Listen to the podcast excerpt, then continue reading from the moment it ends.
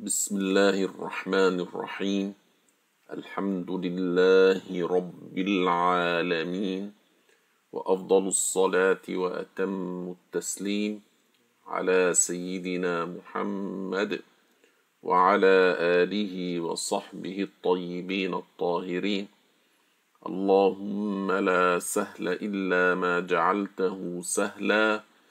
وأنت تجعل الحزن إذا شئت سهلا سبحانك لا علم لنا إلا ما علمتنا إنك أنت العليم الحكيم اللهم علمنا ما ينفعنا وانفعنا بما علمتنا وزدنا علما I start with the name of Allah. I praise Him and thank Him. I ask Allah to raise the rank of Prophet Muhammad and to protect his Muslim followers from whatever he feared for them. I remind myself and you to have the pure intentions of attending a religious lesson. This is lesson 15 in the book The Glorious Life of Muhammad sallallahu wasallam, the final prophet. We said in our previous lesson that we had an overview, we gave an overview of the ages of some companions at the time of hijrah, of immigration, due to the fact that these companions were the main transmitters of the Prophet's hadith. And also, we mentioned that due to their treachery, the Prophet ﷺ besieged and ordered the Jews of Qaynaqa' to leave Medina. The idolaters of Quraysh wanted to avenge their loss at Badr, so they mobilized a large army to attack the Muslims in Medina. A serious battle took place at Uhud in Shawwal of the third Hijri year. The hypocrites who constituted one third of the army withdrew before even the battle erupted. And we mentioned that the Prophet ﷺ stationed 50 archers to protect the backs of the Muslim army.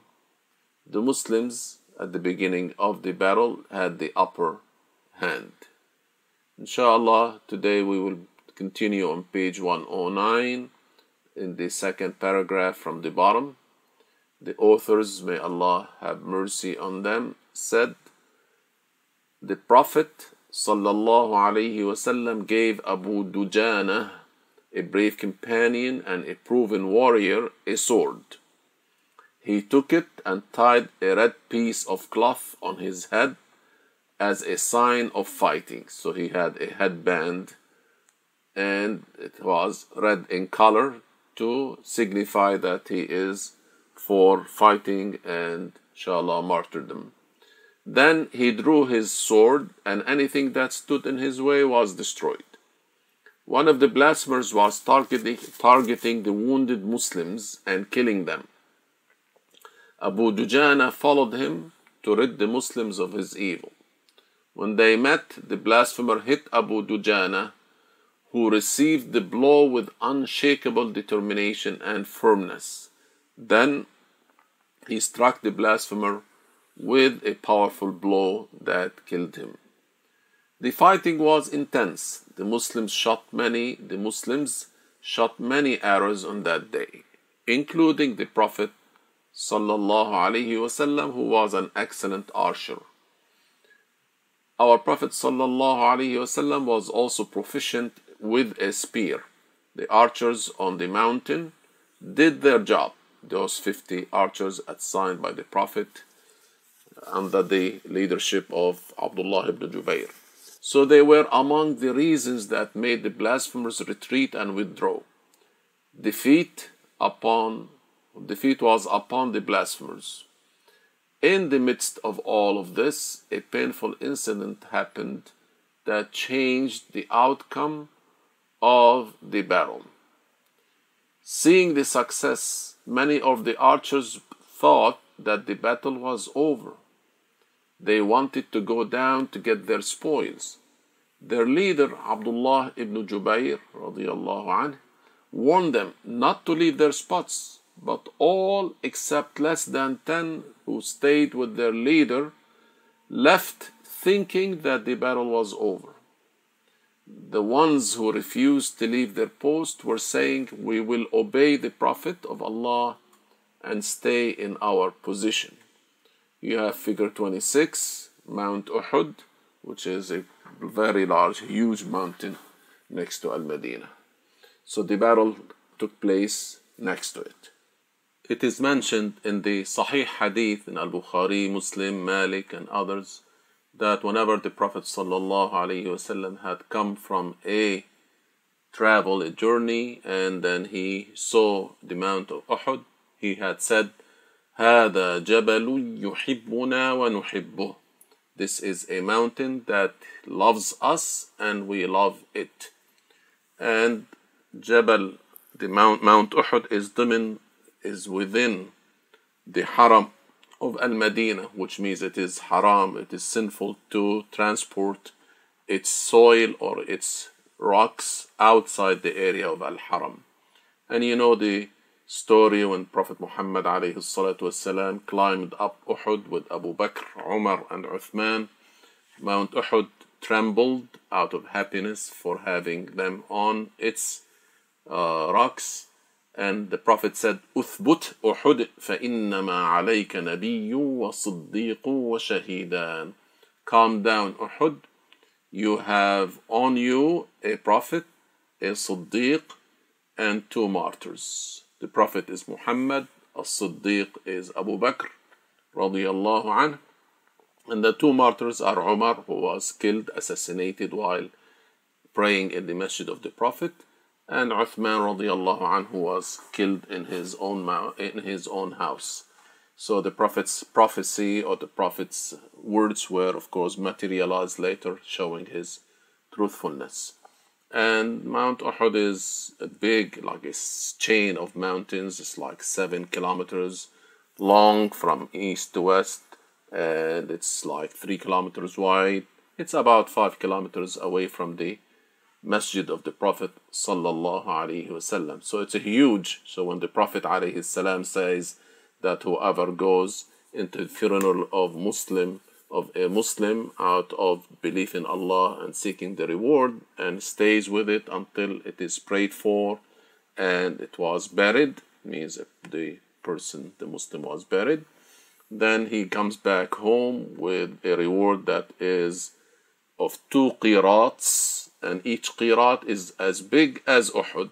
And if he just prayed and returned before it was buried, then he would get only one qirat. And imagine the area of, of Uhud and how much reward the Muslim gets if he gets two qirats or even one qirat as much as Uhud is. And of course, uh, Uhud doesn't have a life, but Allah subhanahu wa ta'ala inspires this non living creation of His to love Prophet Muhammad sallallahu alayhi wasallam. And this is not this is not unexpected. The Prophet alayhi salatu wasalam, when he stopped giving a khutbah, the khutbah or the speeches next to that tree trunk, the tree trunk uh, moaned like a baby, longing for the Prophet wasallam until the Prophet embraced it and then it calmed down like a baby.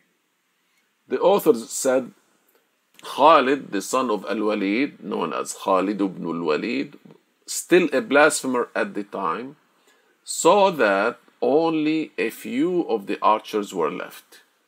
He took a group of blasphemers, snuck up, surprised the few archers left, and killed them, including the leader of the archers, Abdullah, the son of Jubair, radiallahu anh.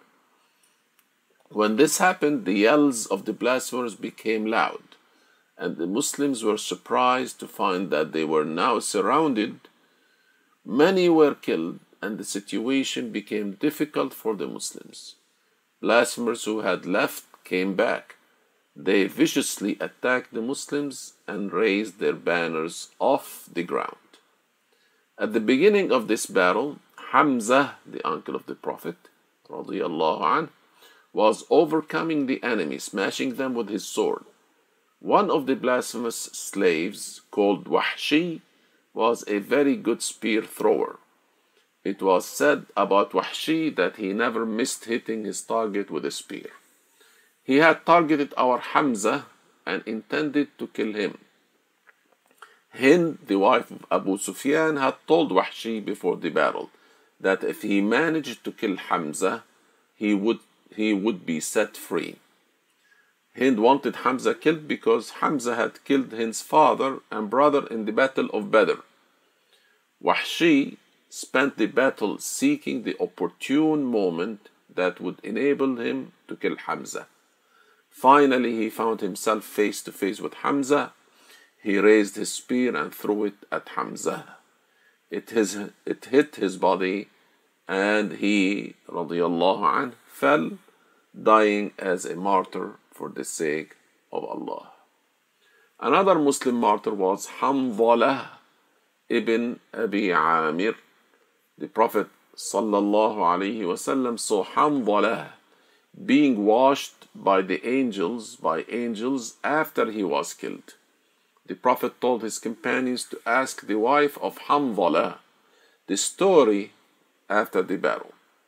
She said that before the battle they had had sexual intercourse. Then Hanzalah heard the call to battle. He did not have time to perform the full shower, the ghusl, required after intercourse, and simply went immediately to the battle, means in the state of janaba.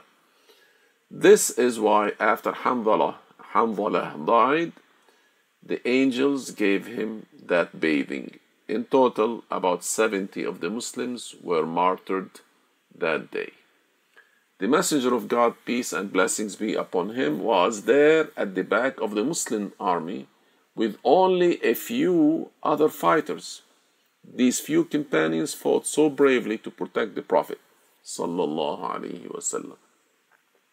Five of them were killed protecting the Prophet, all of them from the Ansar. One fought until he was killed. Then the next stepped up and did the same until the five Ansar were killed. The last one was Umarah ibn Ziyad or Ziyad ibn Sakan. He fought until he could not rise up from the ground due to all the wounds he had suffered. The Prophet ﷺ said, Bring him closer to me.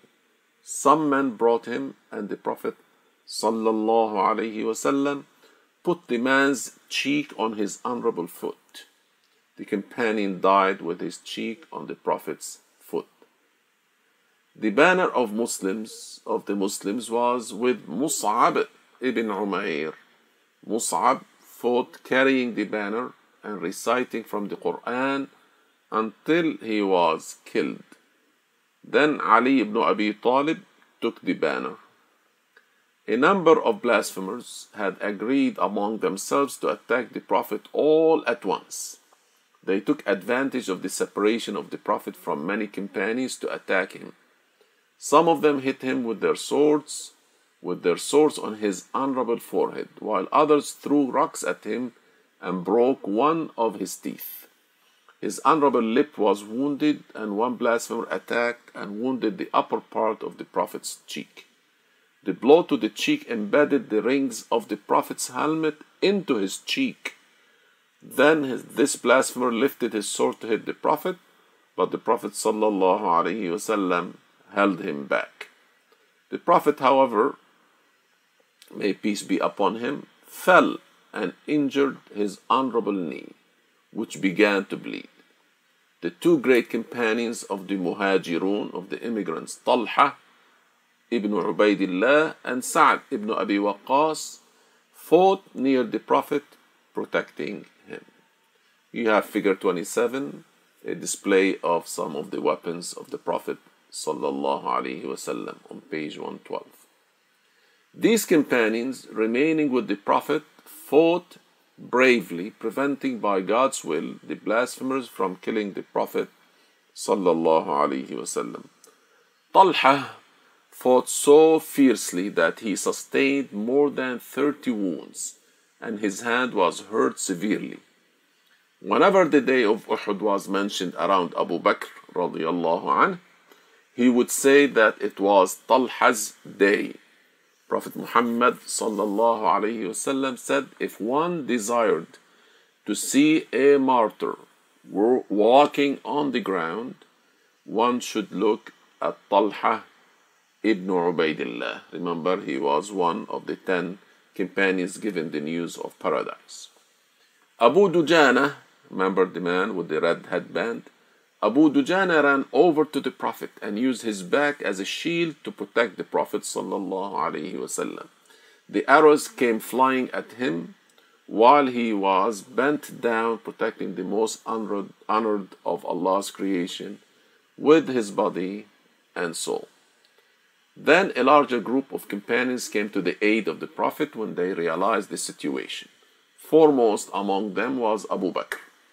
Another of them was Abu Ubaidah ibn al-Jarrah, another companion of the ten. They attended to the Prophet pulling the rings of the helmet out of his blessed cheek, and then to Talha, who had sustained many wounds. Abu Ubaidah al-Jarrah ibn al-Jarrah is one of the ten companions. He did very well in the Battle of Uhud, and those rings that went into the cheeks, into the right cheek of the Prophet sallallahu alaihi wasallam he used his mouth to remove them off his cheek, and because of that, he lost his front teeth. And people said then his, he became more beautiful. If you look at his mouth, there is no more beautiful mouth than the mouth of Abu uh, Ubaidah. So the author said one of the blasphemers cried out that Muhammad had been killed. On hearing this cry, some Muslims felt hopeless and left the battleground.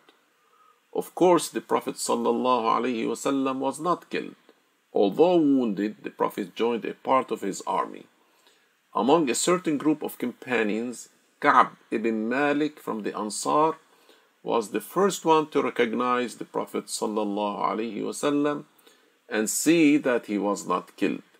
Ka'b saw the Prophet's eyes from under his helmet and recognized him by his eyes. Ka'b shouted, means happy, O Muslims, be guided, here is the messenger of God, reassuring them that the Prophet had not been killed.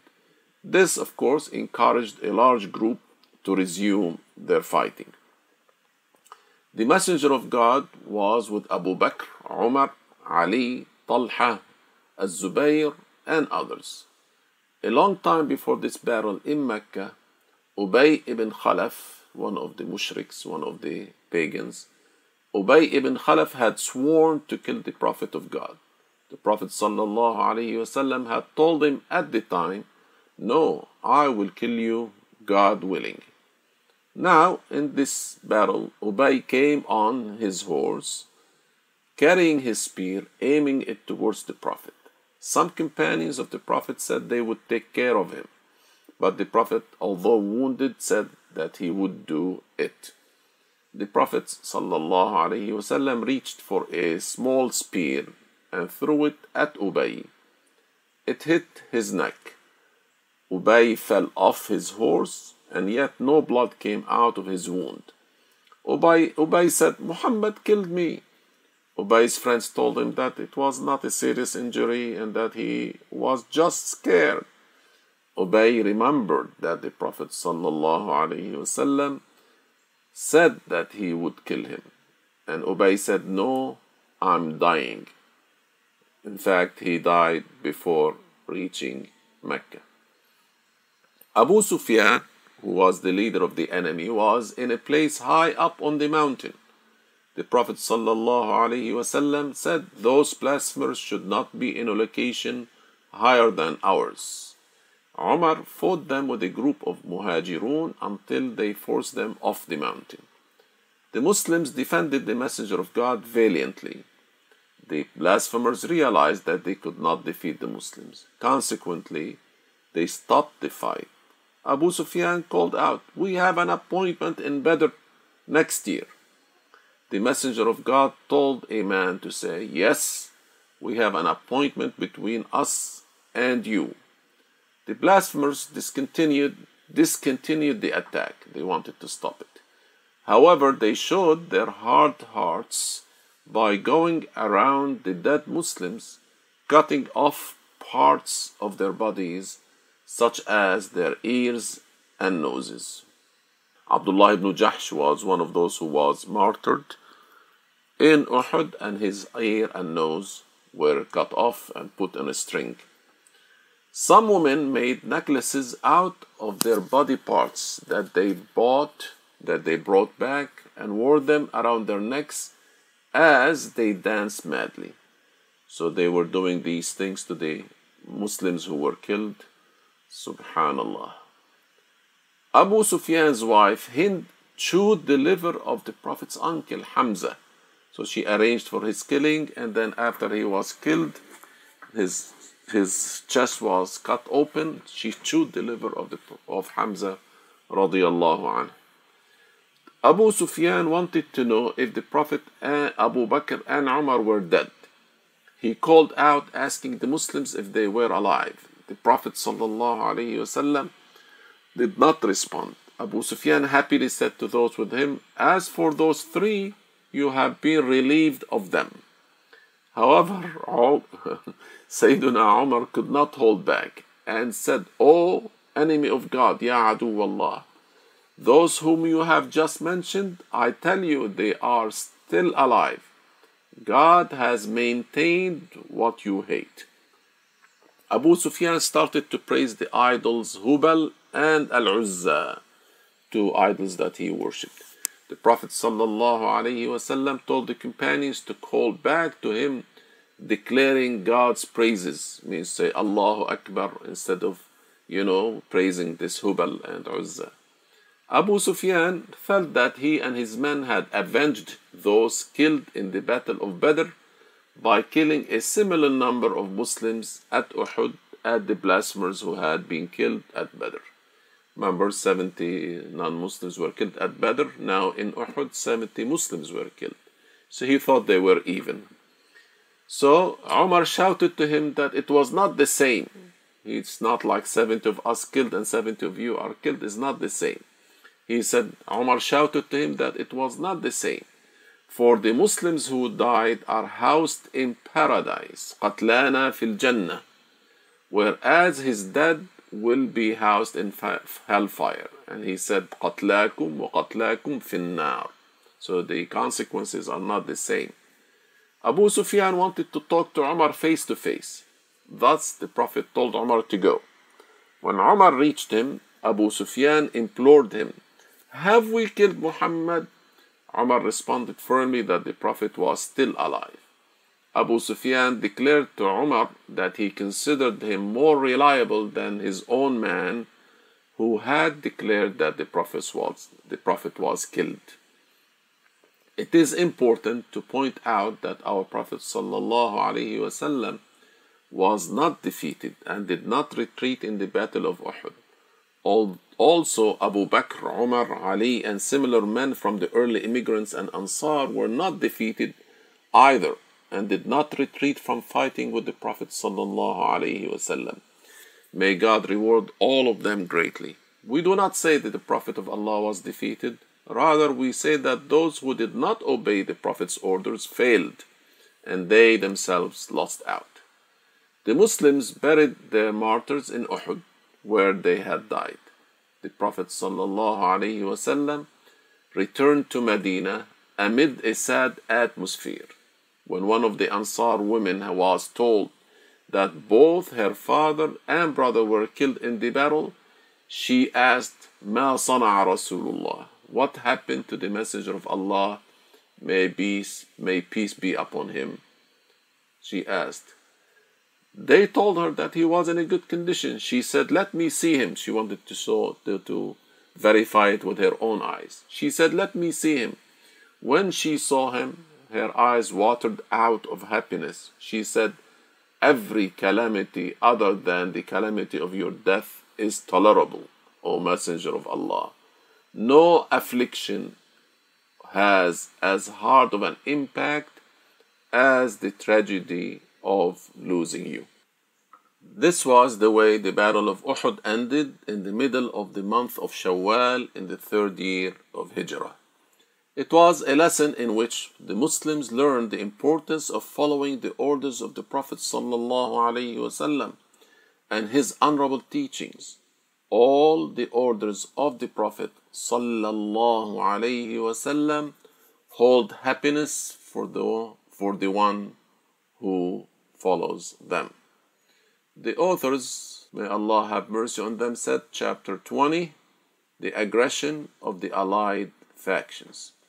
After the battle of Uhud, our Prophet, peace and blessings be upon him, was continuously working to teach and spread Islam.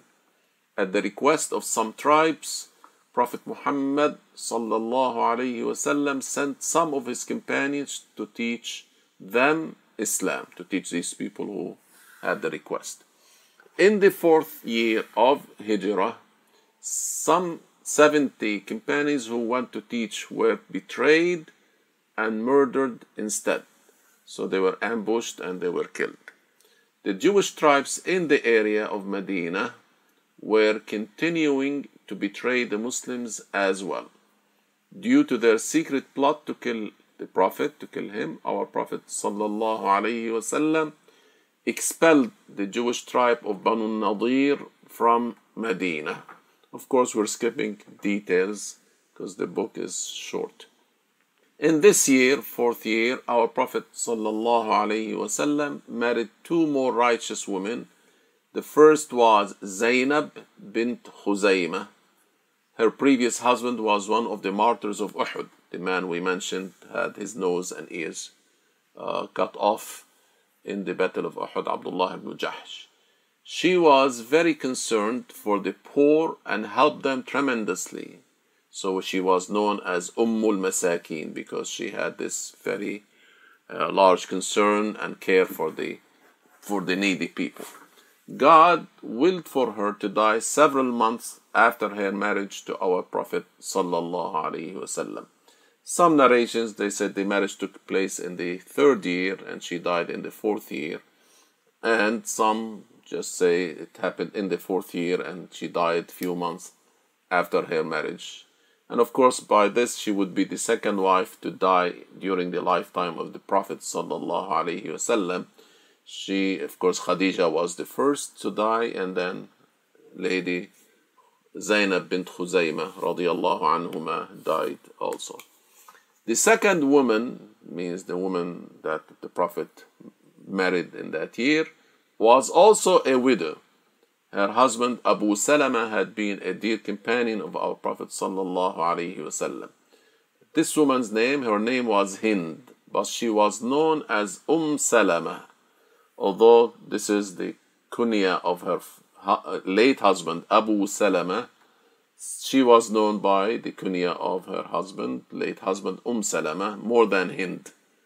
But Umm Salama lived a long life, died in the year 60 Hijri and along with Aisha, who died in the year 58 Hijri, both of these great ladies, Ummahatul Mu'mineen, the mothers of the believers, they taught Islam and narrated hadith after our Prophet's death. She, Umm Salama, of course, as well as Aisha, she was a knowledgeable, wise, and upright Muslim. In the fifth year of Hijrah, the Battle of Khandaq, the trench, took place. It was also called the Battle of Ahzab, the allied factions. A number of Jews among the leaders of Banu Nadir, whom the Prophet expelled out of Medina, left their area seeking Mecca. They called upon the blasphemers from Quraysh to fight the Prophet of God. Thus they all agreed among themselves to fight him. They, you know, uh, the Jews left and went to other Arab tribes. They went to other Arab tribes who had not embraced Islam. They also invited them to join in fighting the Messenger and the Muslims in Medina. They promised each other to fight on a particular day and at a particular place while the Prophet was in Medina. Hence, the three groups, three groups, the Jews, the blasphemous Quraysh, and other blasphemous Arab tribes formed an alliance against the Muslims, the allied factions, Al Ahzab. This news reached the Messenger of God, peace and blessings be upon him. He gathered his companions, told them about the news of the enemy, and consulted with them. Salman al Farisi, means Salman from Persia or the Persian, was a companion who was originally from Persia. He was raised as a wealthy fire worshipper in his native land, as that was the prevalent practice in Persia at that time. Strange, those people worshiped fire and they kept people watching the fire so that it would not be extinguished. So they maintain something and they worship it. How could this make sense? How do you worship? How do they worship something in need of them to continue existing? But subhanallah, ma islam Allah does not need anyone and everyone needs him. He is as-samad وهو الغني الحميد. He doesn't need anyone. Everyone needs him. He is the one who deserves to be worshipped. So the author said he, means Salman, rejected that belief and went away from his land, meeting Jews and Christians. From them he heard that a last messenger was to come. He hearkened to that information, means he paid attention to that information and kept it in mind. Salman was captured and was made the slave of a Jewish man. The Jewish man had Salman work picking his dates in Medina. Hence, when the Prophet ﷺ immigrated to Medina, Salman was there at Medina as a slave. News reached Salman that a man had moved to Medina claiming to be the last prophet and messenger. Salman managed by God's mercy to meet our Prophet, become Muslim, and gain his freedom. Henceforth, Salman stuck to our Prophet sallallahu alaihi wasallam. Prophet Salman minna ahlul bayt. So Salman is one of our family members. He was stuck to the Prophet alayhi salatu wasalam. Salman told the Prophet that a trench had been dug in his country in times of war. So a trench the Persians had as war tactic. A trench dug that would be too wide for horses of the enemy to jump across it, and also for soldiers to cross it. So uh, they make it deep in a, in a way that the enemy would fall into it and perish. Our Prophet ﷺ thought that this idea was very good and ordered that a trench be dug at the vulnerable points of the city. You know, Medina had areas that were mountainous and rocky, so it would not be expected for the enemy to come from that area. It's too hard for them to do it. So the Prophet ﷺ ordered that this ditch or this khandaq that it would be dug in an area that is sandy where it is more likely for the enemy to attack the Muslims. The Prophet ﷺ left Medina with his companions they camped at the side of a mountain, keeping it behind their back. All the Muslims came forward to dig the trench along with the Prophet. There were 3,000 Muslims, whereas the number of the allied factions was about 10,000. Again, the ratio is 1 to 3. Muslims to non Muslims was 1 to 3, just like in Badr. They were 313 and the blasphemers were 1,000.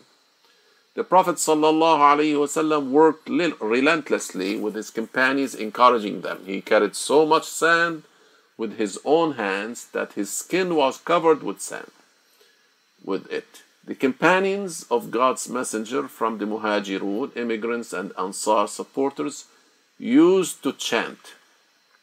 They would say, uh, for example, نحن الذين بايعوا محمدا على الجهاد ما حيينا أبدا.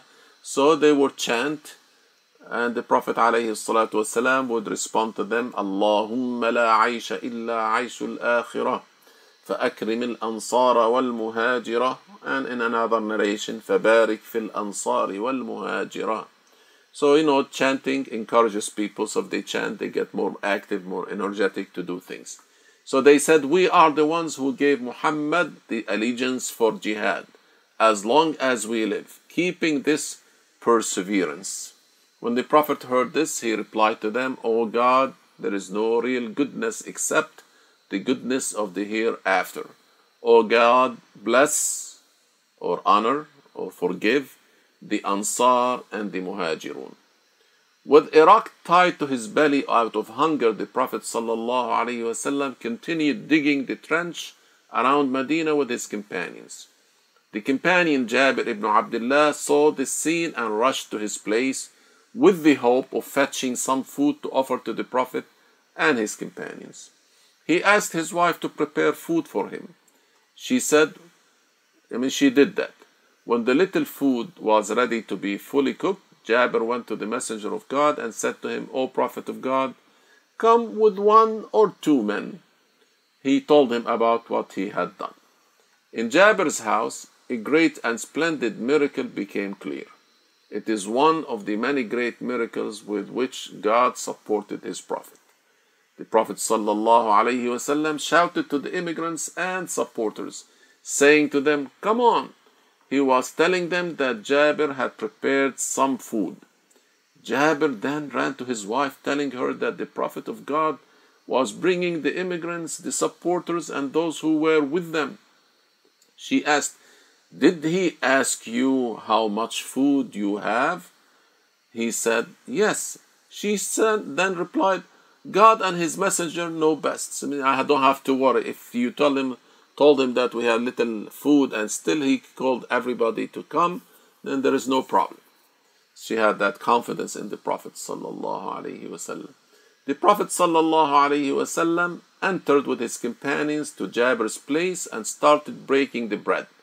You know, it is sunnah, this tharid. It's sunnah if you have meat broth to break bread into it and eat it as such.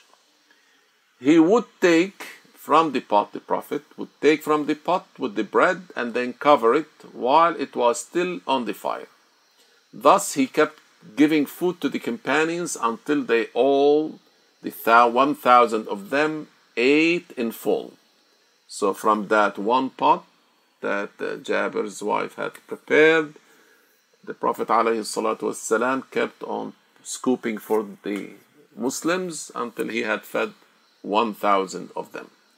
An amount of food was left as well. The Prophet ﷺ said to Jabir's wife, Eat this and give to others. The people had been struck by famine.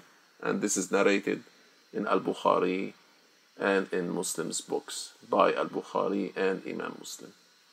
From Jabir's house, the Prophet ﷺ went back with his companions to continue digging the trench.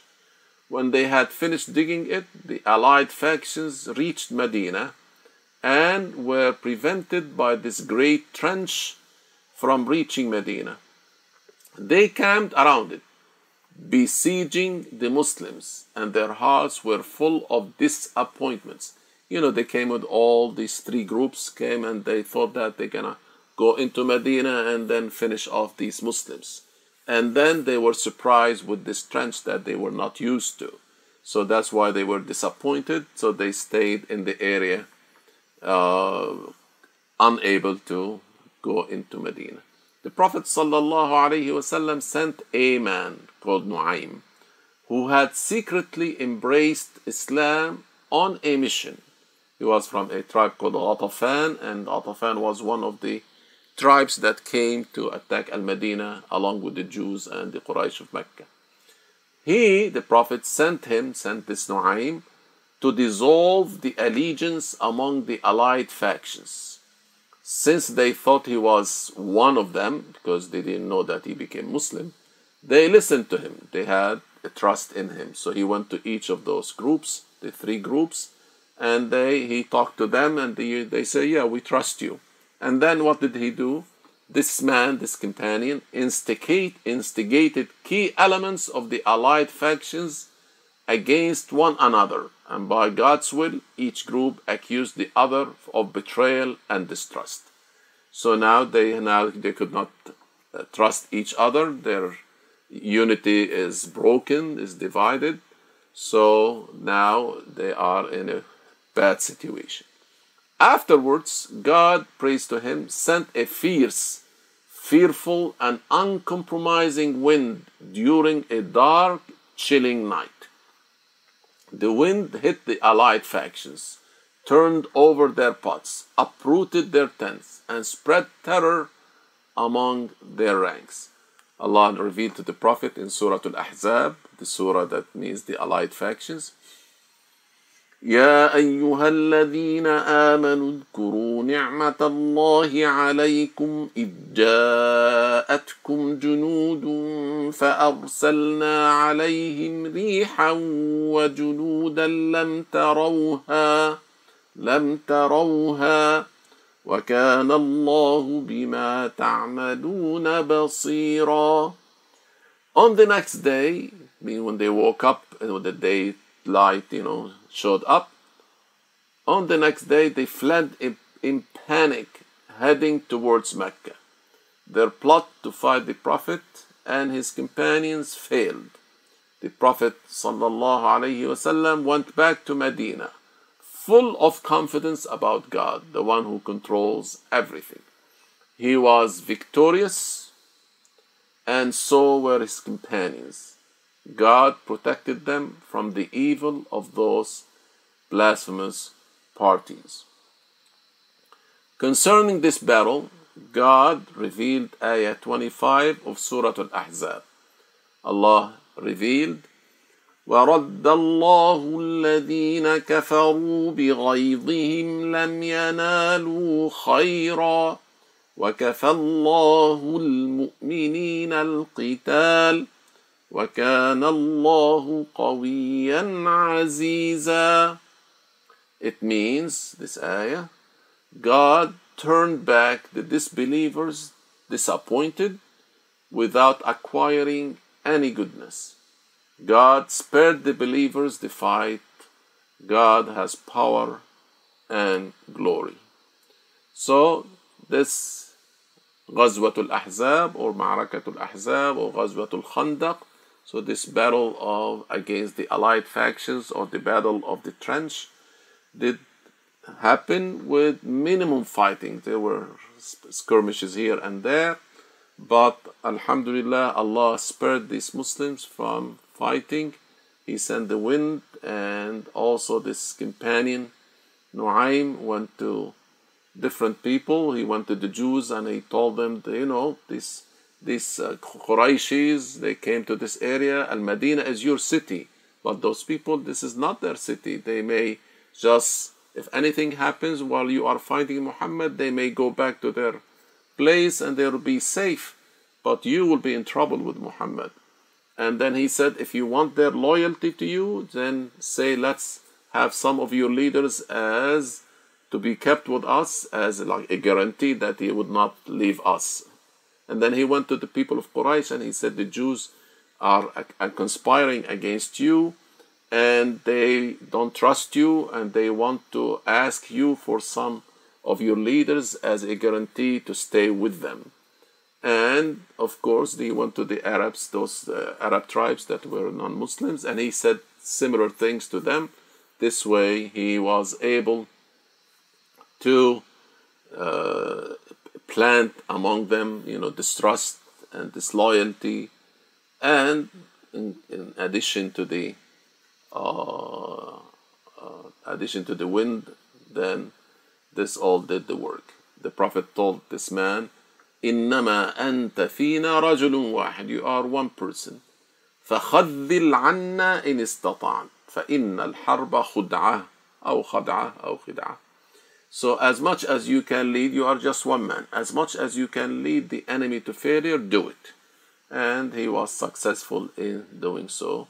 Allah subhanahu wa ta'ala, as the ayah said, ورد الله الذين كفروا بغيظهم لم ينالوا خيرا God turned back the disbelievers disappointed without acquiring any goodness وكفى الله المؤمنين القتال God spared the believers the fight وكان الله قويا عزيزا and Allah has power and glory it means Allah subhanahu wa ta'ala has the power over everything and nothing can hurt Allah he willed for this to happen and it did happen in accordance with his will subhanahu wa ta'ala alhamdulillah we finished chapter 20 And inshallah next time we'll go to chapter 21 and uh, may Allah accept our deeds.